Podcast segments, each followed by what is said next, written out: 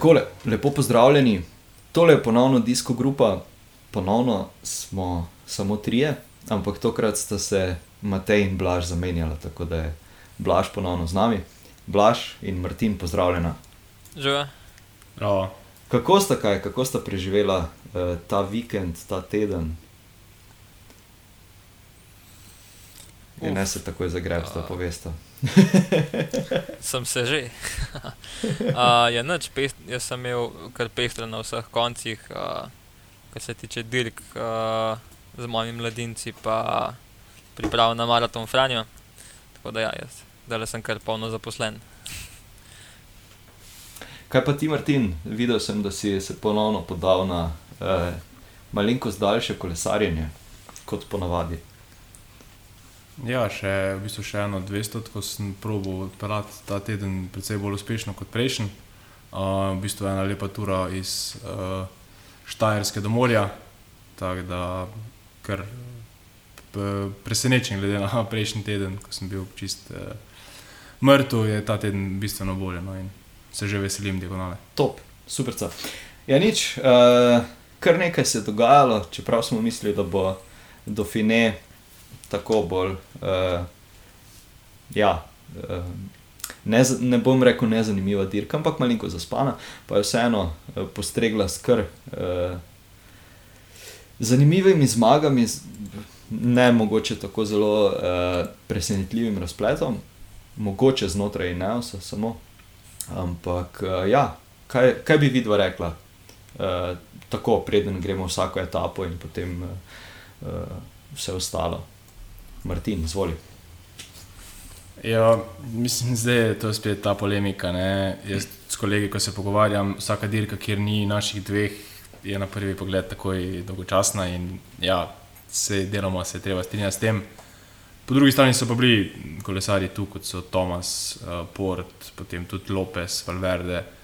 Um, to so vse kolesari, ki so že tudi v preteklosti pokazali nekaj in uh, se znajo pelati, dirko znajo narediti zanimivo. Pred Dauphinejo je recimo bilo dosti težko zbrati nekega favorita. Uh, kot si pa že omenil, na koncu ni bilo neko presenečenje, čeprav spet prvi favorit je bil verjetno Tomas, na koncu je zmagal Port, uh, ampak ja, Ineos je še enkrat pokazal to dominanco um, na, takih, na takih dirkah, spet, kjer ni naših dveh. Um, kar se tiče, pa spet smo videli neki zmag begov, to je zgleda zdaj popularno v modernem kolesarstvu, uh, in pa dvojno zmago no, ob koncu Marka Paduna. tako da, Kaj več bomo pa tako um, malo kasneje povedali. Eh, Je bolj popularno ali se bolj zakalkulira peloton? Blaž, izvoli. To je zdaj vprašanje. Ja. Um, ja, jaz bi pa jih to rekel, da meni se pa to zdi zelo zanimivo, da ni nek, neka predvidena dirka, da so v bistvu neki preobrati ali pa neke stvari, ki jih nekako ne moreš uh, napovedati. Sploh to, da je zmeraj manj teh dolgočasnih sprintov, kot rad Matej zmeraj reče. ne. Uh, meni se to zmeraj tako fajn zdi, da tak beg uspe, kot recimo prvi ali pa drugi dan. Um, in tudi polja, to, kar je Mark Padu naredil v zadnjih dveh dneh. Um, če se tazga ne vidimo tako pogosto, da kjerkoli kolesar na kjerem koli rangu zmaga dva dni zapored. Um, tako da, ja, no, v bistvu, kar je do Fine, mogoče ja, zgledal nekako nezanimiv na prvi pogled, da bo Ineos nekako dominiral, je bilo pa na koncu v bistvu vse en uh, mečkant bolj zanimiv, kot smo mislili. No.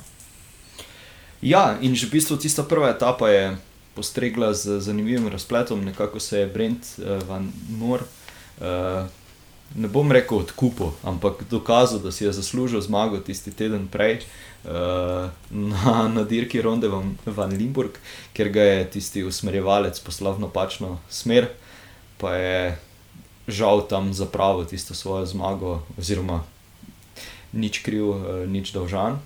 Uh, drugi so Nicole Breli in pa tretji Clement Venturini iz Aže Dozerja.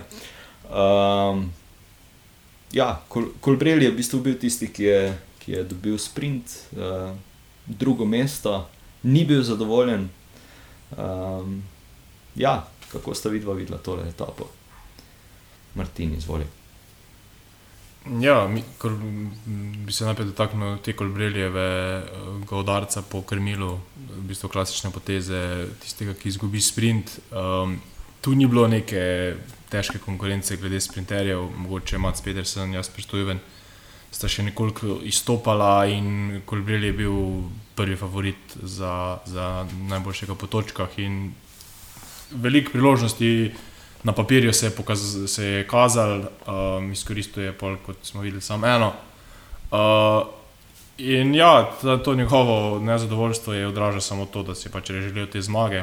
Um, Moj je pa preprečil beg, kot sem že prej rekel, to zgleda, postaja moderno, nekoliko bolj uh, nepredvidljivo, ni več tistih kontroliranih dirk, oziroma vse manj jih je. In se strinjam z Blažom, ko je prej omenil, da to, to, to dela kolesarstvo bolj zanimivo. In uh, jaz tudi sem prvošil uh, zmago Bego, uh, spet en relativno nedokazan um, kolesar. In vidimo, da letos je že kar v bistvu neki zmag, prvih zmag v Volturu, dosegli kar nekaj kolesarjev. In to se nakazuje v neko novo smer, in vsekakor je to dobro. No. Blaž, povej. Um, jaz bi se pa še dotaknil ja, tega točenja v balanci, uh, kolbrele oziroma te nejevoljeno. Um, Kako blazno otroče se meni to zdi, um, ker to, to gledajo mladi fanti, da je na vseh rangih. Zanj sem videl, recimo, deček, uh, recimo, ki ni šprinta zmagal, je toliko po balanci. Ne? In jak je to videl pač pri profesionalcih. In pač če uci že dela razne neumne pravila in zakone, zakaj ne bi pol v bistvu še tega prepovedali, ker je veliko bolj smiselno kot razne bedarije, ki jih, ki jih oni počnejo. No, tako, mogoče. Kot ideja uh, za prihodnje. Um, kar se pa tiče Van Moera, ja. Um, zdaj letos prvič smo zanj slišali na uh, terenu Adriatiku, ki je v šesti etapi v svoje drugo mesto. Prej, iskreno povedano, tudi za njega nisem slišal kaj dosti. Um, je pa v bistvu na Dofinijo ja, izkoristil šanso uh, tega bega. Um, in v bistvu bil je tukaj najmočnejši, tukaj ni bilo dvoma. In ja, na koncu se je v bistvu veselil 25 sekund pred uh, glavnino. Um, in s tem nekako, recimo tukaj pa bi lahko rekel, da se pa je odkupil v imenu Lotus Udala, da so na Džilu prišli v cilj samo z dvema kolesarjema, so se pa tudi uh, sem videl na socialnih omrežjih, so se javno upravičevali, oziroma da um, so bili deležni precejšnjih kritik in so v bistvu um, ja, hoteli izpostaviti, da uh, ni zmer, um, niso zmer kolesarji, se pravi, krivi za vse, ne, ampak da tudi nekakšni drugi pogoji, kot so vreme, paci in ostalo, da ni zdaj. Niso šli kolesarji domov zato, ker se jim ni dalo, ne, to so hoteli s tem povedati. Ja, absolutno. Z... To je res. Uradno, uradno je bila poškodba ali nekaj takega. Ja, je, Mislim, on je edini, on je edini, ki lahko reče, ne grem se Ja, več tega. mislim, da se lahko sam, samo on to prvošče. Uh, drugače pa, eh, mogoče Blaž, boš ti bolj uh, znal odgovoriti na to. Um, Bahrajn dejansko ni mogel loviti bega, tudi kasneje se jim je to zgodilo. Je mogoče to posledica tega, da pač druge ekipe, ki niso imele toliko močnih sprinterjev, pač niso imele tudi uh, želje potem, da bi, da bi v bistvu lovile beg in s, s tem v bistvu kurle sebe, kjer so pač vedele, da, da nimajo nekako možnosti proti Soniju Kolbrelju, ki je bil tukaj, vsaj na papirju, dejansko najmočnejši sprinter. Um, ja, v bistvu pri kolesarstvu je en tak faktor zelo pomemben, da ne, ne zmaga zmeraj najmočnejši, ampak najpametnejši. Ne? In zakaj bi se recimo zdaj Ineos na taki etapi, ki je za njih uh, zelo nepomembna, um, raztoravali in vlekali in na koncu bi ja, eden od šprinterjev zmagal, se pravi, noben iz Ineosa, se pravi, tukaj res nima smisla, da bi oni kazali mišice pa narekovali tempo, ampak so pač pametno prepustili to pobudo uh, Bahrajnu, ki mu sicer na koncu, uh, kot se je izkazalo, še zmeraj zelo dobro dofine. Um, in v bistvu so se s tem ja, potrošili en kup energije. Ne, se pravi, tudi na dolgi rok je treba gledati. Če ena ekipa vleče en dan, mogoče drug dan ne bo mogla, oziroma bo vlekla tako počasneje in to je pač za konkurente zelo dobro. Um, Ja, je pa tako v takih situacijah zelo zanimivo, ne, za enega lajka, ki pogleda, da v bistvu en kolesar je spredi zadaj, pa ga pet kolesarjev iste ekipe pač ne morejo ujeti. Ampak um, ja, imeli, imeli so že odprej eno prednost, ne, je pa res tudi, da tukaj uh, je Van Moer zadnjih par kilometrov odvozil pač praktično na, ne na cukor, ampak na adrenalina. Ne, in um, to je nek tak čist. Čisto nova raven moči, ki jo dobiš v takem momentu, ko se ti taka priložnost ponudi in jo in jo je maksimalno izkoristila. Definitivno. Uh, bi še pri tej etapi bilo vredno kaj, karkoli izpostaviti, na kar smo mogoče pozabili, kakšna malenkost, uh, kakšna stvar, ki vam je padla v oko. Mm.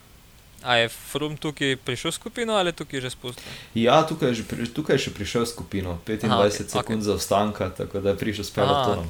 Ampak še kakšno etapo prezgodno, vedno. ja.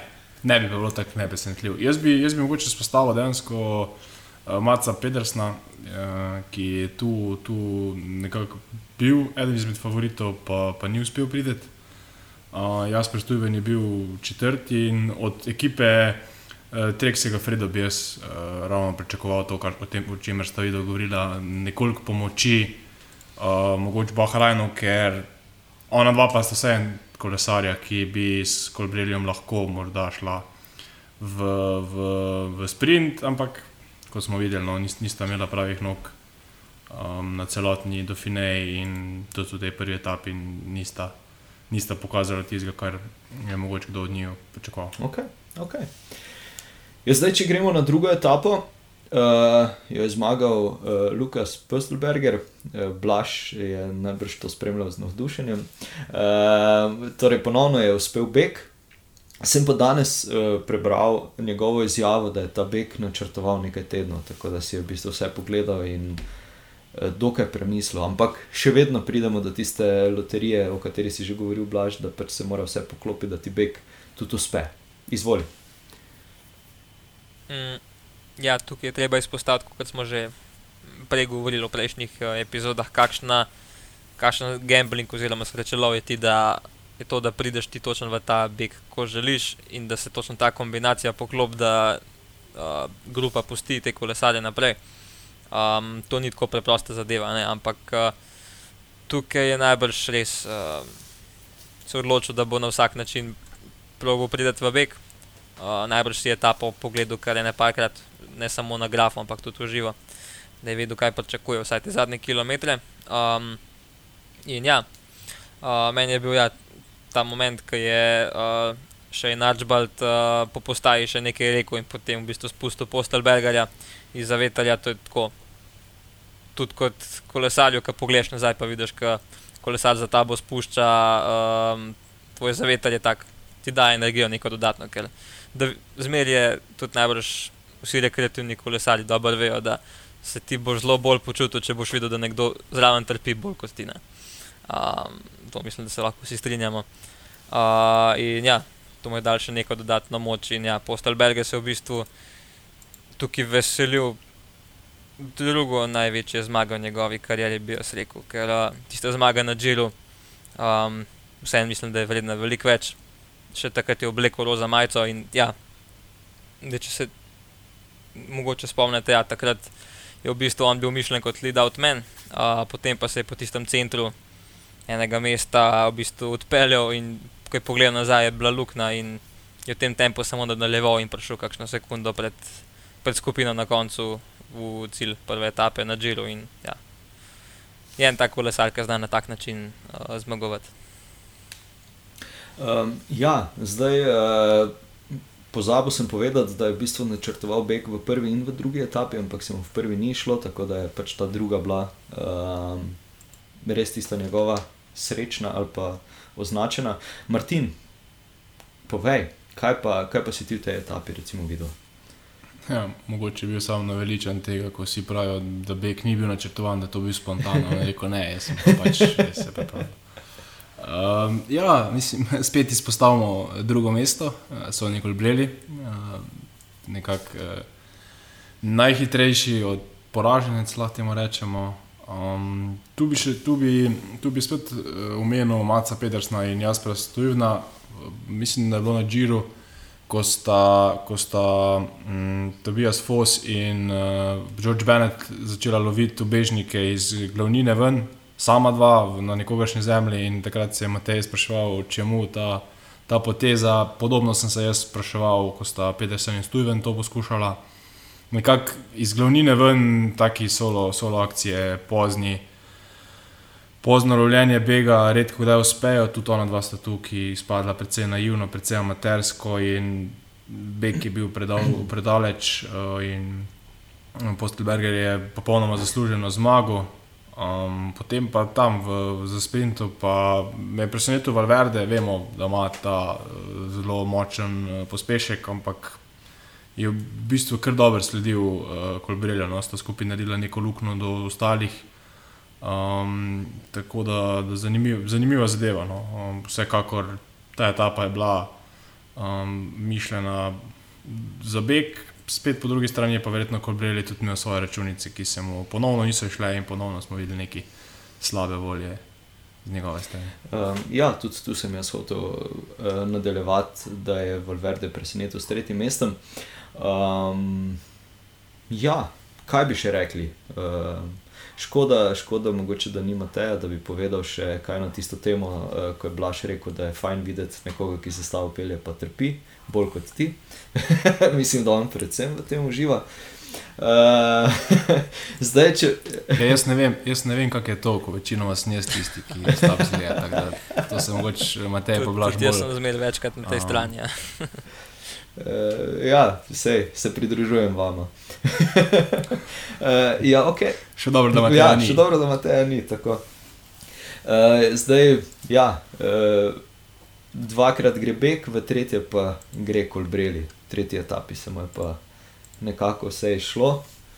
Uh, ja, uh, Aleks Aramburo na drugem mestu in pa Brendan McNulty na tretjem mestu. To je, to je pa recimo bilo. Uh, mogoče uh, tisto presenečenje v tretji etapi, uh, da, je, da je Brendan McNulty sprintal. Uh, Martin, izvoli. Ja, um, tudi komentatorja, sama dva sta, sta precej začudenjem, ko sta nekako spremljala prehod ciljne črte, ugotovila, da je McNulty na tretjem mestu. To je bil tisti, uh, kar, kar dober uh, sprint v klanec, tu je kolbreli, oziroma v manjši klanec, no, ni bil to tisti klasičen uh, ravni sprint, ni bil pa to tudi uh, neko spon, ampak v bistvu false flat oziroma nekaj podobnega. In v teh je kolbreli res močen, tudi, tudi v, v močnejši zasedbi bi znal biti nevaren, v, v te pa sploh. No. In videli smo, Ramburu je napadal kar nekako daleč, uh, si prevozil kar nekaj prednosti, ampak uh, Kolbrel je bil, bil blizu in je uspel ga pokriti in na koncu tudi uh, ga presprintati. Uh, potem pa ja, uh, videli smo tukaj udarjanje po balanci McNaltija. Osebno bi bil na njegovem mestu zadovoljen s tem tretjim mestom. Mogoče je imel pa v nogah še za kaj več, pa je prepozen šel, ker v bistvu je prišel kar precej oddaleč in če bi bil boljš postavljen, mogoče bi lahko konkuriral tudi Kolbrelju. Eh, čeprav jaz mislim, da, da je Kolbrelj tudi pel kar zelo dober sprint in nekako zasluženo zmago.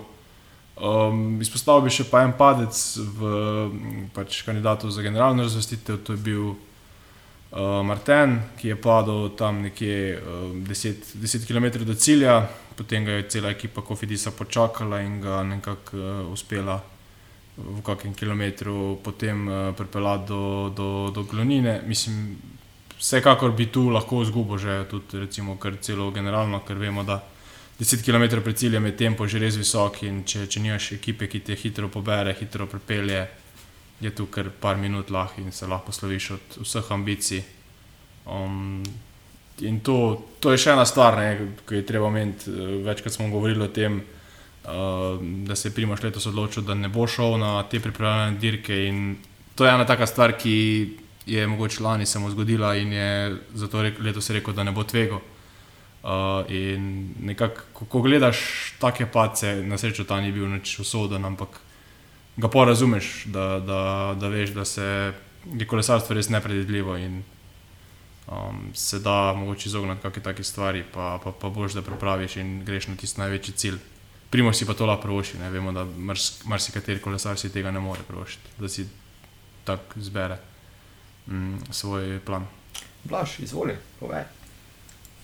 Mm, ja, ja, tukaj kolbreli zmagovalec etape. Um, spet, uh, mislim, spluvati, ne kako bi temu rekel. Uh, treba je omeniti, da na tej dirki ni bilo prav kaj dož printerjev, mm, zato, ker prav blazno velik sprinterskih etap ni bilo na izbiro in se najbrž niso odločili za to dirko. On je vsem prišel in je v bistvu dvakrat so ga. Ga je Big nesel, tokrat mu je v tretjem mu je uspel. Um, ker se pa tiče Maknaltija, ja. Um, v bistvu je to neka taka podobna zadeva, kot smo jo videli uh, zadnjič, ko je bil Jan Tratnik, uh, drugi na uh, Zonkolanu, se pravi, tudi uh, sprint tak ni uh, Maknaltijevo področje, sicer ok, res je, da je bilo malo na gor. Uh, ampak vseeno, Maknalti ni sicer znan kot tak hiter kolesar, bolj kot kronometrist, ampak ja, tukaj se je izkazal zelo dober. Um, tudi marsikaterega hitrega kolesarja je tukaj pustil za sabo. Um, tako da ja. Uh, Se pravi, tukaj pa je že film zadnji vstal. Ja, to, se, to sem jaz že videl zdaj. no, to je. Uh, ja, um, zdaj, kot smo ugotovili, film niti ni še siguren, da bo sploh vozil tur ali ne. Um, če si iskreno s tako formo, bi jaz kot selekt, kot DS, bi raj pustil uh, mesto za nekoga drugega, čeprav. Uh, Ja, to, koliko kol denarja je on prinesel, ja, mislim, da um, prav kaj dost uh, izbire ne bojo imeli, koga bojo vzeli. Uh, ja, ta teden, pač, ko, ko ga je celotna javnost spremljala, uh, so itak uh, mnenja deljena. V vsakem primeru gre za to, da je po, da najbrž izmed nas treh po taki poškodbi doben ne bi niti več vredno hodil, kaj šele se vozil pelotonu. Ampak pač tist, tista protivtež, zakaj vsi toliko pričakujemo, pričakujejo od njega, zakaj je toliko enih, enega, bom rekel, v narekovajih posmehovanja, ravno zaradi tega, ker je on sam eh, nekako nastavil ta, eh, to visoko lestvico, da bo pač šel po zmago na tur, da to je neizbežno, da gre po peto zmago, da, da to se bo itak zgodilo. Um, pa je mogoče zaradi tega spet se vrnemo na tisto zmagovalno miselnost, o kateri smo že veliko krat govorili, da če pač ne bi mislil, da je zmožen zmagati, bi tako vse bilo brez smisla, ampak vseeno mogoče z neko mero zdrave pameti vse skupaj vzeti pa, pa razmisliti, kaj boš uh, obljubljal. Pa rekel, ali pa je to obljubljal samo zato, da je mogoče uh, se pogodba iztekla tako, kot se mu je. Ne? Kaj pa vemo, Martin, povej. Ja, ne, jaz, jaz sem tega mnenja, da ko enkrat športnik sam pri sebi ve, da, da ni več sposoben dosegati nekih višjih ciljev, ima dve možnosti. Ali, ali se nekako upokoji, ali pa postane kot mentor oziroma nek prenašalec znanja. V kolesarstvu je to ponovadi tudi v obliki kakega pomočnika, uh, road captaina in teh, teh podobnih zadev. Uh, Frum mislim, da je zdaj v teh letih tudi sprejel neko tako vlogo, je velika avtoriteta na cesti. Videli smo to tudi večkrat z, z neke vrste sindikalist, eh, kolesarjev in se, se bori za njihove potrebe. V tekmovalnem smislu pa tudi jaz mislim, da mm, izgublja nek eh, tist, eh, tist žar njegov, ni več tiste moči. Čeprav sem še kak mesec nazaj govoril, da lahko od njega pričakujemo kako etapno zmago uh, v, v gorah, uh, Tura ali kjer druge. Trotedenske dirke sem zdaj, če dalje, bolj uh, mnenja, da se to ne bo zgodilo in počasi bo, bo nekako prepuščal mesto mlajšim, ostal bo pa verjetno nek pomočnik, kolikor bo le lahko, ampak če na taki etapi, kot je bila ta um, tretja, zaostaneš za glavnino, potem tudi v nekih gorah ne vem, kako močen pomočnik ne bo. Kar se tiče pa njegovega nastopa na turu, je pa vprašanje, koga lahko pošle recimo Izrael na mesto Fruma, da bi veliko profitirali. Um, iskreno povedano, niti ne vem, kdo bo kapetan. Um, tako da nekako mislim, da Frum bo vseeno se, se šel na tur, ampak vsekakor pa ne dobiti dobit generalne razvrstitve. Ja, oblaš, malo ko si se nasmejal, zdaj ko si na koncu slišal, da, da Martin ne ve, kdo bo šel na tur. Izvoli. Ne, ne, ne, ne, ne, ne, ne glede tega. A, če, okay, uh, okay. Bilo je, uh, spomnil sem se, ja, uh, ponavadi je tako, da en pač fulum recimo, da je že, ja, spet sem pesimističen, recimo, da je že bolj pred koncem njegove karijere. Bilo bolj smiselno, da odstopi mesto nekomu mlajšemu v ekipi, ampak Izrael ne vem, ima kakšnega mlajšega v ekipi. Predvsem, predvsem Masterice. Ja. Tako da tukaj res tudi jaz ne vem, koga bi vzel na mest njega, oziroma um, koga bi dal za kapetana, mogel tudi jaz malo pogledati. Uh, ja, in potem v bistvu pridemo do uh, kronometra uh, na četrti dan, četrta etapa, kakorkoli, uh, kjer je ponovno se, zdaj, če se, če se še navežemo na, na Krisa Fruma, ker se je ponovno izkazalo, da pač dejansko ni v formi, kot smo je bili vajeni, ali pa kot je mogoče sam bil vajen. Uh, zgubil je, mislim, da skoraj da dve minuti. Uh, na na pač kronometru, na katerih je včasih blestev.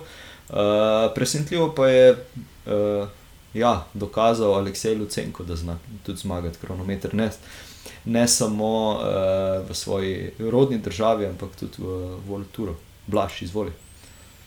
Mm, ja, v bistvu film je, kar gledam za ustoja, 2 minuti 12, se pravi. Tukaj je. So, mislim, da so vsi takoj videli, koliko je ura.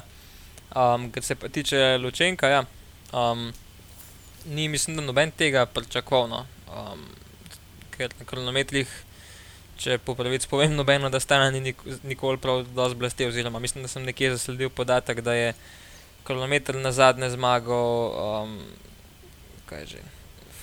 Kesjakov, se pravi, to je bilo leta 2017, se mi zdi, uh, na dirki po Švici, se pravi, dolgo, dolgo, dolgo nazaj nekdo v Astani zmagal kronometer, če seveda naštejemo kazahstanskega državnega prvenstva. Um, ja, tukaj pa v bistvu kar dvojna zmaga stane. Um, v bistvu nekako se računa, da tukaj bo Iners nekako prišel um, tja, kamor spada. Um, da v bistvu poberajo postelbergerju majico in um, v bistvu nekako prevzamejo vajeti na tej dirki. Ampak so tukaj v bistvu se ušteli kar na dveh koncih, ne se pravi, prvo jim je spovzela iz rok uh, etapna zmaga, kot drugo pa še Postelberger je tukaj odprl najbrž uh, kronometer svojega življenja in osvojil deveto mesto in v bistvu obdržal majico za eno sekundo. Um, tako da ja, tukaj nos, najbrž so bili malo uh, žalostni pogledi na, na avtobusu potem. Uh, če sem prav slišal, je bila tukaj težava, da se je Genant malo uštevil v narekovanju tempa, oziroma predvidevam, da so se kar usino, ker uh, pač ok, najbrž en naredi napako, ne, ampak ne pa zdaj vsi. Um, bi pa tukaj še izpostavil peto mesto, uh, Ilana Van Wilderja, ki sem ga že zančo omenil, um, da je zelo dober uh, vozi tele kilometre in mogoče tudi uh, v prihodnje lahko nam ga računamo v, za generalni seštevek, uh, ki je bil že kot pomočnik uh, sicer zelo dober uh, v mladinskih časih za Rimka Evenpola. Mm, tako da, ja, no. tudi uh, koga še omeniti. Ja, v bistvu tako. No. Tak, razgiban kronometer je bil in uh, zelo težko je tam pilati, tako da jaz tukaj tudi ne, nekako ne zameram, da so se tukaj malo ušteli v rekovanju tempa. Uh, ja, Geren Thomas je tukaj na prvem merjenju uh, časa imel kar zajetno prednost, pa je na koncu zdaj spet, če se prav spomnim, tam nekje 22-23 sekund na koncu zaostal ali še več.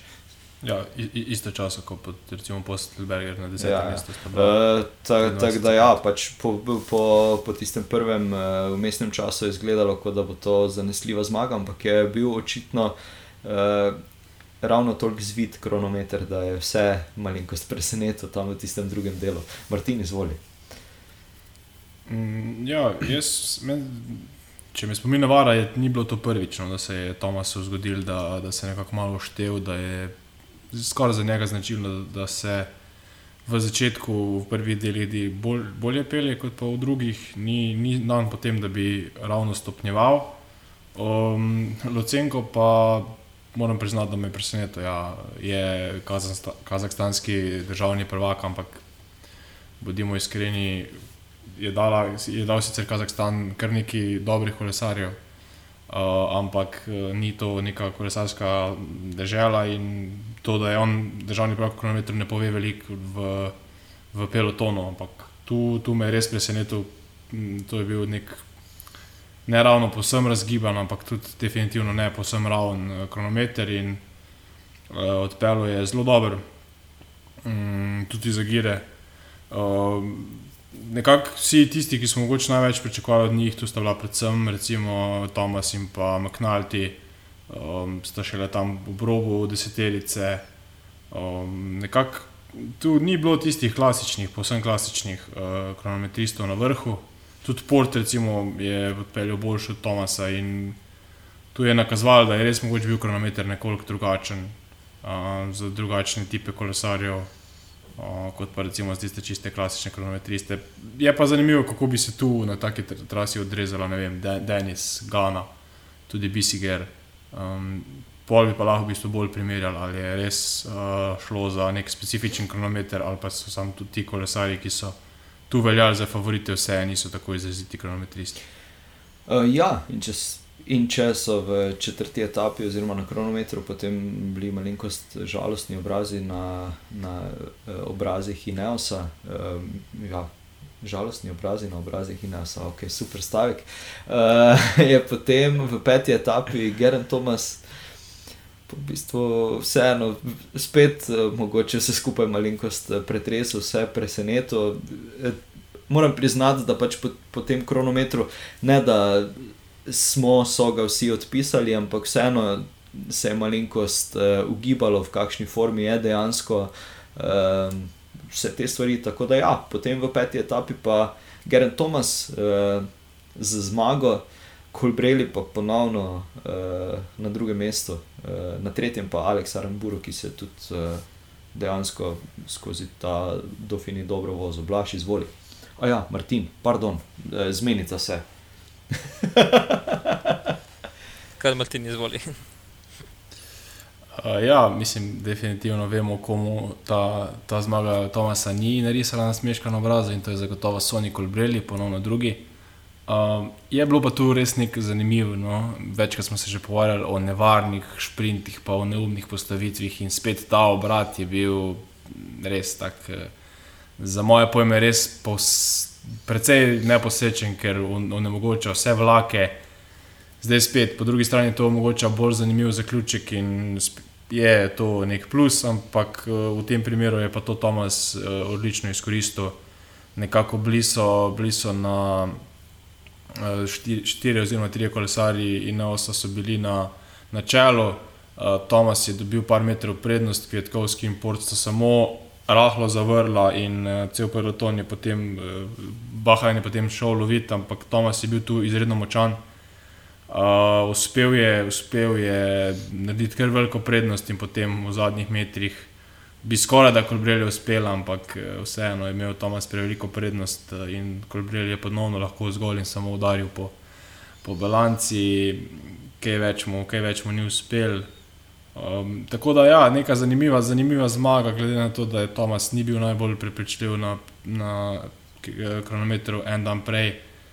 Kar pa mogoče vseeno pomeni ravno to, kot smo rekli, da se je enostavno štev, ker smo videli na začetku kronometra, imel dobre noge, kar pomeni, da ni v tako slabi formi, ampak očitno je samo nekako preslabo tempiro tempo in je ga je odrezal, če se, če se lahko tako izrazim. Blaž, saj ti dam besedo, izvoli.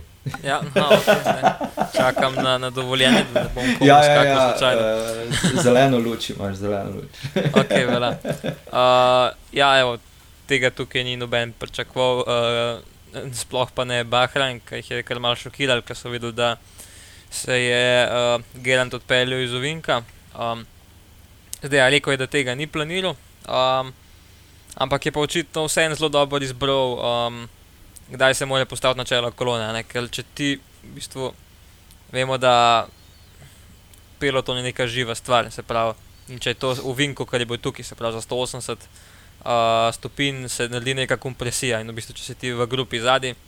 V bistvu ti, ko še zaviraš, preden greš v vink, kolesari na drugi strani, vidiš, kaj že pospešujejo ven in ti tukaj v bistvu zgubiš zelo veliko. Ne pa tukaj točno vedel, kaj se bo zgodilo in je v bistvu si izbral neko idealno linijo, odpeljal zelo hitro in pa je v bistvu pospešval iz tega ovinka ven veliko hitreje, kot so ostali pričakovali in uh, je naredil ne tako neulovljivo razliko, čeprav uh, je dva, kako bi temu rekel.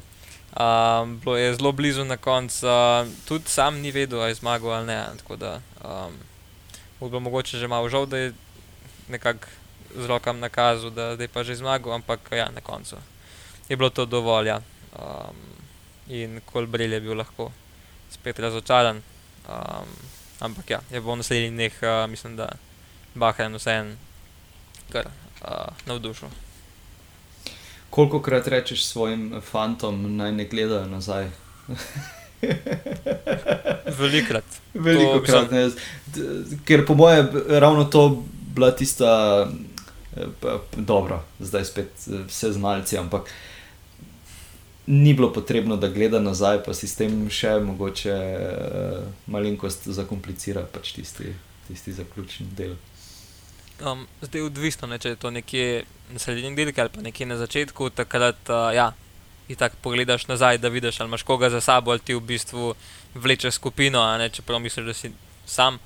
Uh, ampak ja, če pa tukaj v zadnjem napadu, v zadnjem kilometru, pa tukaj nimaš kaj za zgubiti. Um, pač v taki situaciji, ki bo on v grupi, bi končal v vsakem primeru, ga je pa tukaj v bistvu upalil, uh, koliko se le da, uh, ni gledal nazaj. Um, ker čim se gleda nazaj, takoj pač ne rabiš, v, bistvu, v tistem momentu tega podatka ne rabiš, kje je kdo, koliko so zadnji in v bistvu se moraš sam na sebe skoncentrirati, da potegneš čim več sile iz nog. Um, in ko kar ne se, ne se, ne se. Doskrat se zgodi, da ne rata, ampak v tem primeru ja, je na uh, srečo navijačev in ne osa ratal. Je, ja, uh, in v šesti etapi je vrtalo na srečo uh, navijačev Movistarja. Uh, ste si uspeli pogledati mogoče dokumentarec? Prejšnji teden sem enako vprašal Mateja uh, in pa Martina, pa sta oba rekla, da še ne. Uh, Blaž, si ti uspel? Uh, ne, tudi jaz še nisem videl. Ah, Ta teden sem zelo malo mal časa, da. ampak uh, bom, uh, bom, bom pogledal. Čeprav nisem lih največji movie style fanboy, bom si pa vseeno pogledal. Mi je pa že kar nekaj ljudi rekel, da je zelo zanimiva zadeva. Tudi že tisti prejšnji, ki so ga nalili, tudi tistega še nisem pogledal, ampak ja, se bom v kratkem uh, spravil tudi to. Uh, ja, pri 41. Uh, da tapne zmage Alejandro Valverde. Uh, tukaj lahko rečemo, da je kar uh, šola Tao Gegenharta, uh, ki je nekako poskusil, uh, mogoče, mogoče tudi ni. Uh, ni v tistem trenutku, ko je pospešil šel na, na etapno zmago, nekaj tako medlo je vse skupaj delovalo, eh, potem po nekaj sekundah, Martin, izvoli. Ja, če vemo, kako položaj ta, ta v ekipi, bi pričakovali, da je bil lead-out, oziroma da je pripravljal teren za bodi si Porta, bodi si Tomasa za njim. Nekako nihče v prvi fazi ni šel za njim in je poskušal potem zaključiti s sprintom, uh, tako kot si pa rekel, no, šolsko je pa vse skupaj zaključil Valverde, ga dokaj hitro ujel in potem v zadnjih metrih tudi prehitev. Uh, Nekako srečo ima ekipa Movistar, da ima Valverde, ker v zadnjih letih niso to neka. Rečemo temu res, resna ekipa za, za generalne razvrstitve, in da je Alve, Antonijo Alejandro Valverde pravzaprav edini, edini ki, ki mu uspeva, tudi konec koncev, tretji na, na, na Velti. Z Lopezom bodo zdaj poskušali verjetno dobiti nekoga za generalno mas, ni, ni dosegel potencijala, ki ga je kazal. Bomo videli, no? res vsa časno, v 41 letih um, da mu uspeva to, kar mu uspeva. Že ko je bil svetovni prvak, so vsi rekli, da to je pa nekaj nemogočega pri teh letih, no pa ga vidimo sedaj. Tri leta kasneje, pravzaprav smo manj presenečeni, mogoče kot smo bili takrat, ko je zmagal na stone prvenstvo. Um, ja, zdaj. Težko je zdaj govoriti, eh, če, če si nista stvari še ogledala, ampak ja, uh, mogoče Enrik Mas uh, ne da ni izpolnil pričakovanja, ampak mu niso niti bila toliko dana. Glede na status v ekipi. Sicer ja, na določenih dirkah ja, ampak ne pa vedno. Tako da, ja, bomo videli, kaj se bo iz tega scimlo. No. Zdaj, to leto, ko bi ravno prišel do tistega, recimo, temu kapetanskega traka, bi rekli pri nogometu, pa je prišel Miguel Angel da, blaž, povej, povej. Mm, ja, ma, v bistvu Enrik ima to težavo, da ima zmer nekoga nad sabo. Ne. Um, se takrat se spomnimo, že davno nazaj, se je lahko prav pogledati, kdaj je bilo na Vuelti. In sicer uh, leta 2018 uh, je bil drugi general, ne, to ne smemo pozabiti, to mogoče malo kdo ne ve. Um, pa še ta, mislim, da je ta po zmagu ali celo dve. Uh, tako da v bistvu nakazoval je na nek zelo dober, da bo postal zelo dober kolesar, no, um, predvsem za nekakšne tretenske dirke, pa za generalno razvrstitev, ampak uh, ja, zdaj ja, tukaj ne dobi priložnosti ali nima želje sploh, pa je v bistvu zadovoljen s tem, kar trenutno dela. Um, ampak ja, bomo na koncu videli, kam, kam bo tole pelano. Uh, zdaj, če ima neko željo po rezultatu, bo prej slej mogel dati neko priložnost, oziroma se bo pač iskal ekipo, ki je drugena se mi zdi. Um, ja, v tej etapi še, še velja izpostaviti uh, EF Education First, Lawson Credo, ki je uh, napadal 21 km do cilja. Uh, tudi na splošno so bili kar, uh, kar aktivni. Um, zdaj, uh, v zadnjih dveh etapah pa je Mark Padun uh, tudi nekako speljal uh, tisto pikčasto majico. Uh, zdaj pa komu pa se v tem trenutku ne spomnim, ve, kateri odvajajo. Ja, mislim, da je to ravno njemu. Ja, okay. Točno je on ja. je lovil. Pa, ja, to, ja. Uh, ja. Še bi kaj o tej šesti etapi veljalo uh, povedati, ali, ali gremo na sedmo, na to, kar sem ravno kar izpostavil, Marka, pa Duna. Je, mogoče lahko še omenimo ta začetek te etape. No? Um, že večkrat smo omenili, da se na določenih etapah dosta težko beg uh, uveljavi, oziroma se nekako ta razlika naredi. Tu so prvo uro se peljalo v bistvu 57 km/h, kar je res uh, kar visoko tempo in zato tudi kar dolg časa ni bilo bega. Kasneje se je pa izoblikovala neka skupina 14 obežnikov in Uh, to naredi dirko zelo zanimivo, tudi za nadaljevanje. Uh, vidi se, da je veliko uh, neke želje v pelotonu, da, da se ta etapa dobi v glavnini, oziroma da nekdo od tistih uh, velikih favoritov zmaga in ne prepusti zmage Begu. To so, to so te etape, ki smo jih že večkrat omenjali, da, je, da so kar zahtevne. Ta zagotovo je bila ena izmed njih. Definitivno. definitivno. Um, ok, Blaž, še imaš ti kaj za dodati? Mm, jaz sem svoje povedal, tako da mislim, da gremo kar naprej. Ok, ok. Uh, ja, sedma etapa, uh, Mark Padun, zmagovalec. Uh, moram priznati, da se nisem nekaj uh, fokusiral na njega. Uh, kasneje, ko sem šel pogledat Pro Cycling Stats, sem videl, da, da v bistvu, ok, sicer lepo, da se je veselil tako te zmage, ampak ni bila to njegova prva takšna zmaga. Torej, bil je že uh, lani na drugi etapi Džira, prvi, pa peta etapa na Vuelti 2019, pa tretja etapa na Vuelti 2018, na dirki po Švici. Um, edino, kar sem si še pripisal tukaj zraven, je, da je ta spon uh, na Laplanje, fejstečen. Uh, vem, da takrat, leta 2019, ko smo šli na ogled. Uh, Eh, dirke po Franciji, eh, smo tam gori stanovali, oziroma pač bili v tistih apartmajih. Uh, ja, tisti spon je res festičen. Pač sicer so ga hoteli uh, narediti zanimivega z tem štetjem serpentin, ampak uh, ne, ne, ne, ne, ne ponuja toliko lepih razgledov, uh, tudi cesta sama ni posebej lepa. Da, uh, ampak ja, zmaga Marka Paduna pa je bila definitivno uh, za, za učbenike, no, lahko te, temu tako rečemo. Blaž, izvoli.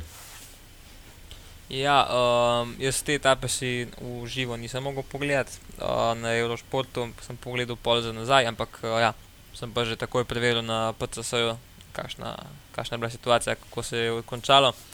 In uh, ja, jaz sem za njega vesel, da je zmagal. Se pravi, še en tak mlad uh, kolesar uh, Bahrajna, ki mu je letos uh, uspel, uspela neka taka večja zmaga, čeprav se je tudi že prej se dobro vozil, ampak tole letos uh, pa sploh.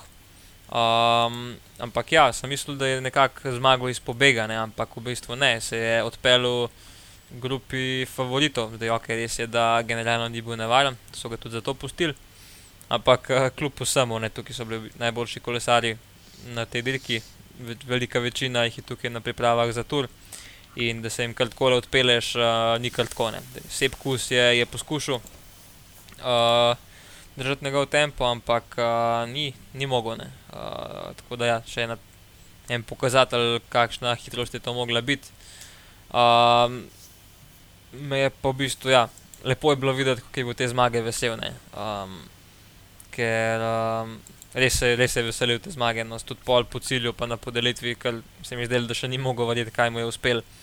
Um, ja, zadnji pa v bistvu, um, kar se tiče pa favoritov za GC, uh, je pa tukaj Čipotle pač pokazal, uh, kaj, kaj zna, kaj zmore uh, in da lahko še zmeraj zmaga eno tedensko dirko, čeprav zdaj v zadnjih letih uh, ni pokazal ne, ne vem kaj, uh, pa je pokazal, da je tokrat ja, da, je še sposoben, pa da mogoče tudi uh, za dirko po Franciji, da nema štarta sicer, um, da še ni za, za odpisati, no, uh, tako ali drugače. Tomas recimo tukaj je končal 9 minut zadnji, um, tako da tudi ni še čist 100% kdo bo pa kapetan na, na turu uh, v, Ineosu. Tako da to zna biti še zanimivo. Ja, no, vse zadnje je bil lani na turu tretji, ne z Ineosom, ne, torej z, z uh, Trekom, ki ni toliko močen na, na etapnih dirkah. Uh, Martin, izvoli, povej. Ja, to znal reči.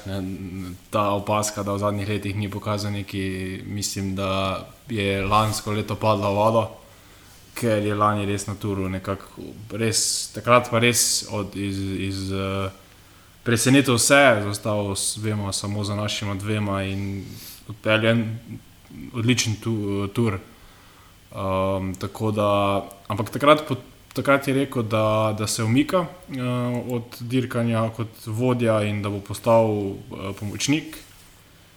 Zanimivo bo videti zdaj na dirki po Švici, kako se bo pel Karapas, ker če okolikor Karapas ne bo pokazal neke odlične forme, jaz mislim, da bo tudi Port na Naturu imel kar precej močno vlogo, oziroma bo eden od vsaj so kapetanov, pa naj potem cesta odloči. Eh, tako da jaz mislim, da skoraj ni dvoma, no, da Port gre na tur, uh, kakšna bo pa njegova vloga, to pa bo, bo predvsem odvisno mislim, od Karapaza, ker smo videli, da v, med njim in Tomasom je recimo Port močnejši. Bomo pa videli zdaj v, te, v tem tednu, kako pripravljen je recimo Riči Karapaz. Če vemo, da, da Bernal pač na tur ne gre. Ja, ta opcija je zdaj, s tem, ko je staknil COVID, po mojem, še dodatno uh, odpisana. Um, ja, uh, zdaj omenil si ga, Blaž, uh, se pa kusa.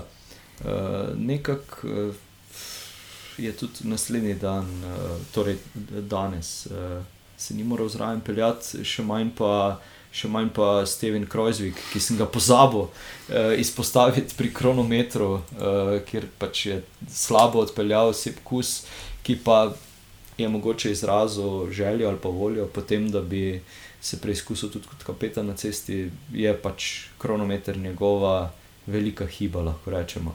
Uh, izvoli blaž. Ja. Ja, za Krojzvika sem tudi jaz pozabil, da sploh obstaja. Uh, ja, nekako, ne vem, očitno res sepkus, nažalost, ni rojen kot um, nek kapetan za Grand Tour. Sicer meni je on blazno simpatičen, res mi je kot kolesar in kot oseba mi je zelo všeč, ampak ja, očitno pač to ni njegova stvar. Um, zdaj, mogoče kakšno eno tedensko, recimo, da bi še spelo, ampak ja, Grand, Grand Tour, pa mislim, da kot kapetan ne bi mogel, oziroma bi bilo mogoče za njega smiselno, ja, da se skoncentrira res na posamezne etape, pa tam uh, to pa točno vemo vsi, da mu zelo odgovarja, ne, to je že v preteklosti tudi pokazal. Um, za Krujsvika pa sploh ne vem, kaj ne rečem. Uh, ni, ni to to. Um, in to je vse, kar Ja, bom da, rekel. mislim, Ne, tako tudi no, ne. danes je ponovno, uh, mislim, sicer pač uh, z vsem spoštovanjem do tistih, ki, ki jim je, uh, ki navijajo za nami, kar, kakorkoli, ampak eh, res pač ta napad danes, ki mu sploh ne moreš reči napad. Um, pa da potem dalje sploh ni moral držati uh, glavnine, ko so ga ulovili. Kaj pa vem, ne vem. Uh, ja. Uh, na kar sem predvsem želel uh, navezati vse to skupaj, je, da uh, je imela Jumbo Visma slab izplen na tej Dauphineji, pa tudi UAE. Ne? Zdaj, če gledamo, da so to nekako priprave na tur, pa ajde, da, da pač niso bili vsi glavni akteri zdaj tukaj. Uh, Ni bilo ne Tadeja, ne Primoža, ne še vseh ostalih, ki bodo poleg njih na turu, ampak vseeno, uh, forma določenih kolesarjev je pa dejansko malenkost vprašljiva. Zdaj, če damo tako, tako po črto, Martin, izvoli. Ja, sej, um, nis, nisem si še uspel pogledati, koliko uh, teh pomočnikov, ki so dejansko vozili do Finejo, bosta naša dva imela. Ampak mislim, da, da vsaj pri Jumu Vismi sta zagotovo glavna kandidata Vingegard in pa Kus, da bosta ena od teh pomočnikov, verjetno tudi Tony Martin. In z nji- njihovo formo smo lahko rečemo, zadovoljni. Uh, Vingegard je to tudi v današnji etapi pokazal. Kus pa tudi imel je željo, videl se je, da je, da je aktiven, zmanjkalo mu je pa v tistih zaključkih, kar pa tako ali tako vemo, da, da če bo tako na turu, bo, bo to potem uh, Primoš uspel izkoristiti in pač na koncu v zaključkih bil, bil uh, na pravem mestu. Medtem ko pa pri uh, ekipi UAE je pa v bistvu še manj, po moje, kolesarjev. Krištof, vemo, da naj bi bil v planu za tur in pa Maknalti. Uh, vsi ostali pa mislim, da izmed teh leh ne bodo uh, v ekipi, um, to, niso, to niso tisti kolesarji, ki bo, na katere bo Tadej računal, verjetno bo več kolesarjev imel uh, Tadej zraven uh, ravno v tem tednu, uh, ko začne dirko po Sloveniji, uh, tam bo zagotovo z njim Jan Polanc.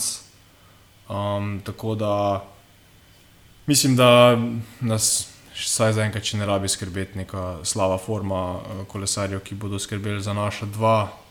Um, Tur sicer ni že več tako daleč, ampak uh, mislim, da bodo ti kolesari našli pravo formo, da bo lahko v čim večjo pomoč našim modelom. Ja, se, kak, kakor hitro sem začel pametovati, sem se potem spomnil, da je bil drugi uh, Vingegard, uh, pa, da je, pa da je v bistvu uh, na Rusterju za, za tur.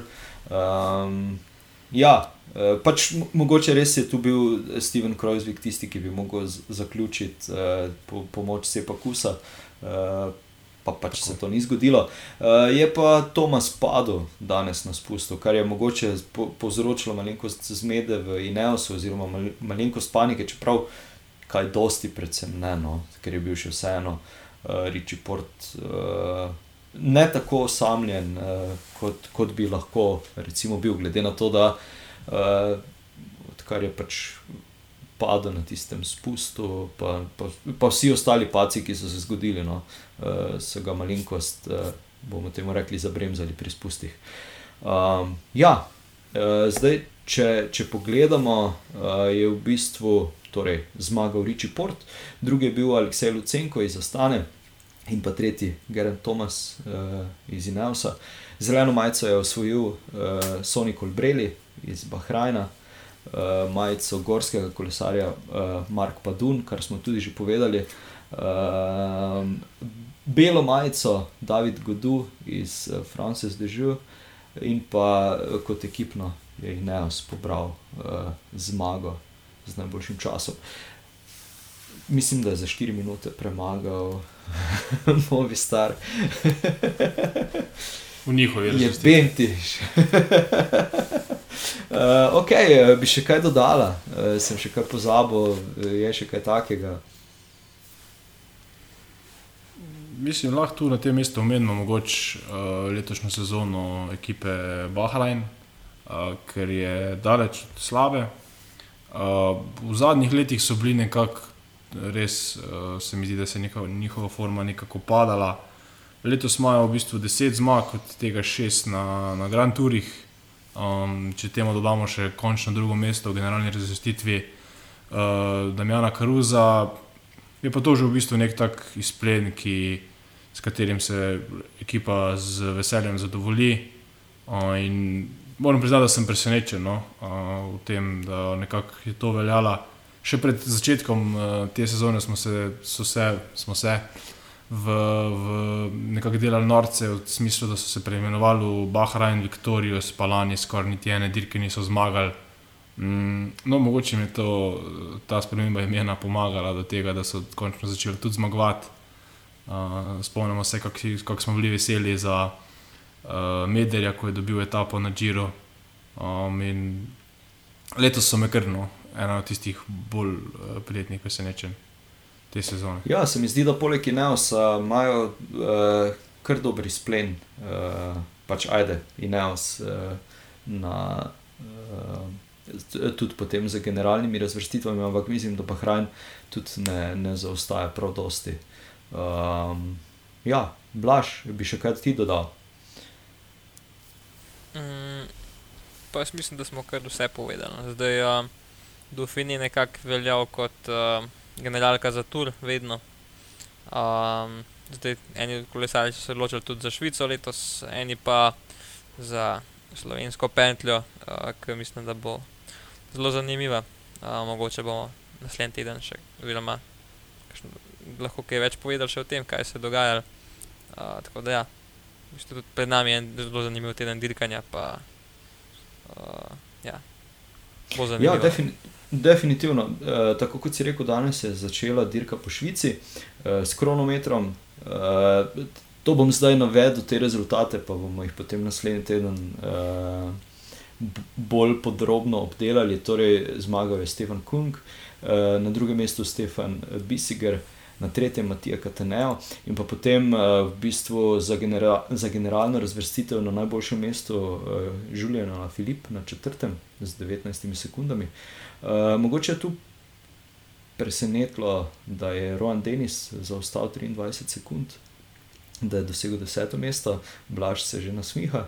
Uh, in pa vrnil se je Tom Dumoulin, uh, ki pa je kronometer, kronometer končal na 16. mestu z dobrimi 30 sekundami zaostanka. Blaž, povej, čemu si, čemu si se tako nasmehnil? Mm. Ja, pač ne moreš zdaj vsak kilometr zmagati. Ne? ja, pa kak, ne, seveda ja, ne more. Če, če bi ga nabil, bi razumel. Ne, ja, se to ne, pa samo ga enega drugega najdete. Ja. Pa tudi bližnji. No, uh, uh, ja, tu rečemo, da se tudi on pripravlja za tur. Okay, okay. Če ne za tur, pa za naslednjo sezono. Politično uh, Ja, tako je. Ja. Uh, ja, zaključil se je pa, eh, oziroma zaključila se je dirka po Švici za ženske, zmagala je Lizi Dajnen. Zdaj, uh, malenko sem pristrigel z ušesi, ko, ko sem prebral dirka po Švici, uh, ki je sestavljena iz dveh etap za ženske, uh, moška dirka ima osem etap.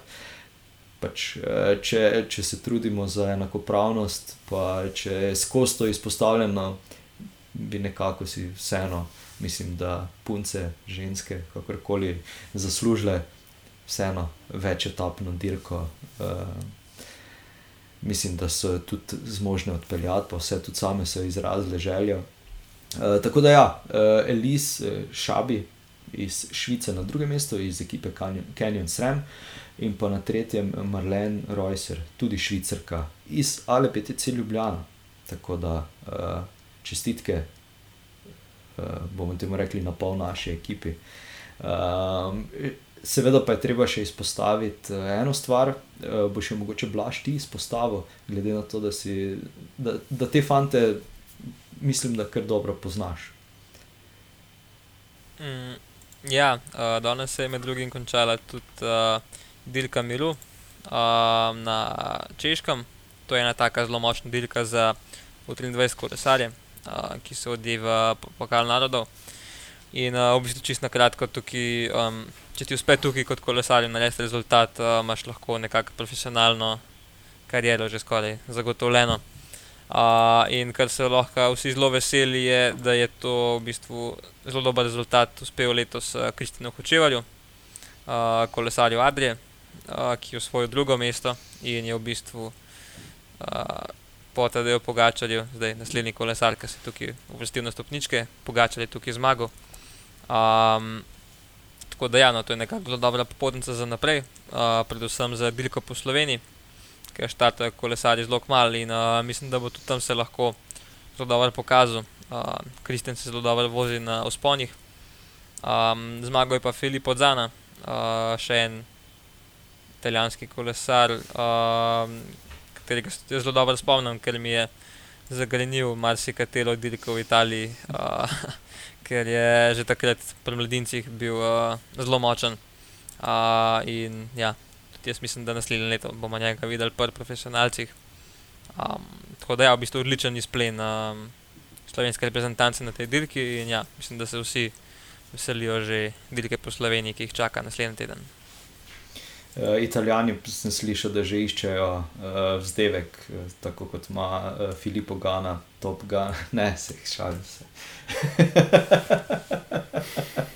Uh, ok, torej ja, naslednji teden uh, dirka po Sloveniji, v sredo se začne uh, na Ptuju, konča v novem mestu v nedeljo. Tako da bomo uh, imeli kar materijala, poleg dirke po Švici, uh, še dirko po Sloveniji. Uh, ja, po mojem, da nam dve uri ne uideta. Uh, ok, smo pa prišli zdaj do, do tistega, kjer uh, poskusimo tudi kakšno trivia stvar povedati, predstaviti, um, pa bom dal kar Martinu uh, prednost, pa bom rekel, prvi vprašaj. Uh, moje uh, današnje vprašanje se navezuje na dirko po Sloveniji in sicer zanima me, to je tako. Uh, Zagotovo vprašanje, ko ste se pripravljali, prva izvedba dirke po Sloveniji, kdaj in kdo je bil zmagovalec? Uh, Primožič, ja bil Boris. Uh, pa, Boris Premožič, ja. Mislim, da je bilo 92, 93. 93. Držijo. Ja. To je leta 1993, eh, zmagovalec je bil Boris uh, Premožič in pa potem na tretjem mestu je bil pa Gora Štangel, današnji športni direktor uh, Bahrajn Viktorijusa in uh, to je bila dejansko prva izvedba dirke po Sloveniji um, ki je zdaj v zadnjih letih pač prerasla kar v bolj pomembno dirko, seveda tudi na račun tega, da sta naša kolesarja naredila kar dobro reklamo za slovensko kolesarstvo. Definitivno. Uh, Blaž, izvoli. Mm, ja, jaz imam nekako bolj splošno vprašanje, ampak mislim, da bi znal biti kar zanimivo. Okay. Um, se lahko da kdo od dvaju ve odgovor, tako da boste videla povedala. Um, in, in sicer. Uh, te kategorizacije usponov ne, uh, so ena zelo zanimiva zadeva. Um, v bistvu v teh časih sodobnih jih uh, zračunajo s pomočjo nekih uh, koeficientov, glede na dolžino in višince in poprečen naklon, kako koli. Uh, ampak, če pa kdo ve v tistih starih časih, ki pa se niso kaj dosti čas, časa posvetili uh, zdaj z računalnikom in uh, analizam usponov, kako so pa včasih določili, uh, katere kategorije bo kakšen uspon. To sem pa že slišal. Ja, kjer je predstavljen? Ja. Kjer je predstavljen, se lahko ja, v bistvu. Oziroma, tudi določeno avto mora biti. Ne? Ja, to so imeli tudi v uh, tistih časih, so imeli prav določen, nekdo je bil takrat uh, uradni avto dirke, uh, tudi, ampak ja. V bistvu Citroen so, bi si skoraj upal trditi. Citroen ja, ali pa Renault bi tudi znal biti. Ja. ja. Uh, v bistvu so, ja, tisto predstavo, ki je avto spelo, klanc, ta kategorija je bila. No, je... In če ni šla, če je mogel iti z Rikverc gor, je bila pa Horsne. Ja, mislim, uh, ja ampak Hors mislim, da so uvedli šele pred kratkim, da ni to prav dolg čas, tako da to Aha, okay, so pol okay. naknadno. Uh, mislim, da pa za Hors kategorijo uh, mora biti pa klanc. Daljši od 15 km, pa vsaj 8% naklona, pa ali pa 20 uh, km dolg uspon, uh, ne glede na uh, procente, se pravi, samo da je na gore. Ja. Tako da, ja, to je to To. z moje strani. Okay, uh, moje vprašanje se tokrat uh, tudi navezuje na dirko po Sloveniji, prihajajočo. Um, in sicer, kdo je bil najmlajši zmagovalec etape na dirki po Sloveniji? Uh, A, ti, sem poslušal tvoje uh, coffee ride. Ja. Uh, a je bil to Ilešič? Ja, je bil, je, Je bil. bil. res je. Ja. Leta 2003 je zmagal, dobro si si zapomnil. To Uh, so bil te je pa dolgočasne ure na Zwiftu, ki sem si jih tako popestril. Uh, bil pa je star 18 let uh, in 249 dni. Je pa bila etapa, ki je potekala od Lenarta do Ljubljane, v dolžini 203 km. Uh, tako da ja, uh, imamo Slovenca kot najmlajšega zmagovalca etape. Uh, se lahko letos to spremeni? Je kdo, mislim, da so mlajši fanti, nekateri ali? Ja, so fanti stari 18 let tudi, uh, v, predvsem v slovenskih ekipah. Uh, tako da ja, bomo videli. Jaz upam, da, da bomo podarili ta rekord letos. Ja, ne. Zdaj še eno vprašanje, preden zaključimo. Uh, je kdo povajno, ki sploh lahko dejansko parira TD-jo na, na tej dirki po Sloveniji? Jaz sem gledal štartno listo, pa me doben ni posebej prepričal, moram priznati. Jaz mislim, da če zdaj, ja. v Primeru, Mislim, zgodi se itak, da lahko vse. Ja, zmeraj je lahko ja. kakšna stvar narobe, ampak ja, jaz uh, upam, da ja, ampak uh, zdaj pa ga že takoj zaključiti, da je on zmagovalec, pa ja, je vsekakor malo preveč zgodi, pa bomo raj pol proslavljali. Definitivno. Vsaj tako na papirju, pa, pa je dejansko najmočnejši kolesar te, To te dirke. Martin, ti si zdaj vmes. Ne, mislim, ja, zagotovo, zagotovo. Tule še enkrat sem šel čez startno listo, ne vidim nikogar. Ampak ustavil sem se predvsem v slovenski reprezentanci, ki je včasih res veljala za nekak, a, da se da mladim kolesarjem priložnost. Letos sta me pa zelo presenetila. Master C. Presenetila na seznamu tudi Mastra C-ja, uh, je Jani Brajkovič in pa Kristjan Koren. Me zanima, mislim, predvsem od Janja, mislim, da vsaj kakor se je lani pelo na, na državnem prvenstvu, da bi še znal pokazati kaj um, svojega repertoarja, bomo pa videli, no, kako to na, na, na, v petih dneh eh, izgleda. Um, ne vidim pa eh, Luke Mezgeca tule na PCS-ju. Ne, tudi bi Luka Meskec prišla. ne bo štartal zaradi tega, ker je tudi staknil COVID. Ali vsaj Aha, nekaj temu nisem- nisem podobnega. zasledil. Uh, uh, tako da ja, Ja, to, Luke ne bo. Se pa, se pa Pa intenzivno povedati, da bomo imeli vse majice, pri nas pa ne bomo imeli očitno. Prosim. A ja, da bi vse. Ja. Sem hotel napovedati, da bomo imeli vse majice. Ne? Bo pač mogel to dej pobrati še očitno po točkah. Uh, ja, ok. Uh, smo še kaj pozabili? Uh, mislim, da ne, ne. Še povajno je kaj takega. Ja, se bom omeniti. strinjal, strinjal s tabo, da, da je to, da je to, to za To je danes. to, ne. To je to. Tako. Uh, nič, se vidimo in slišimo uh, prihodnjo nedeljo, pa se pripravimo na nek, uh, neko maratonsko komentiranje. mogoče. Uživajte vsi. Čau. Adijo, čau. Enako, zdravo.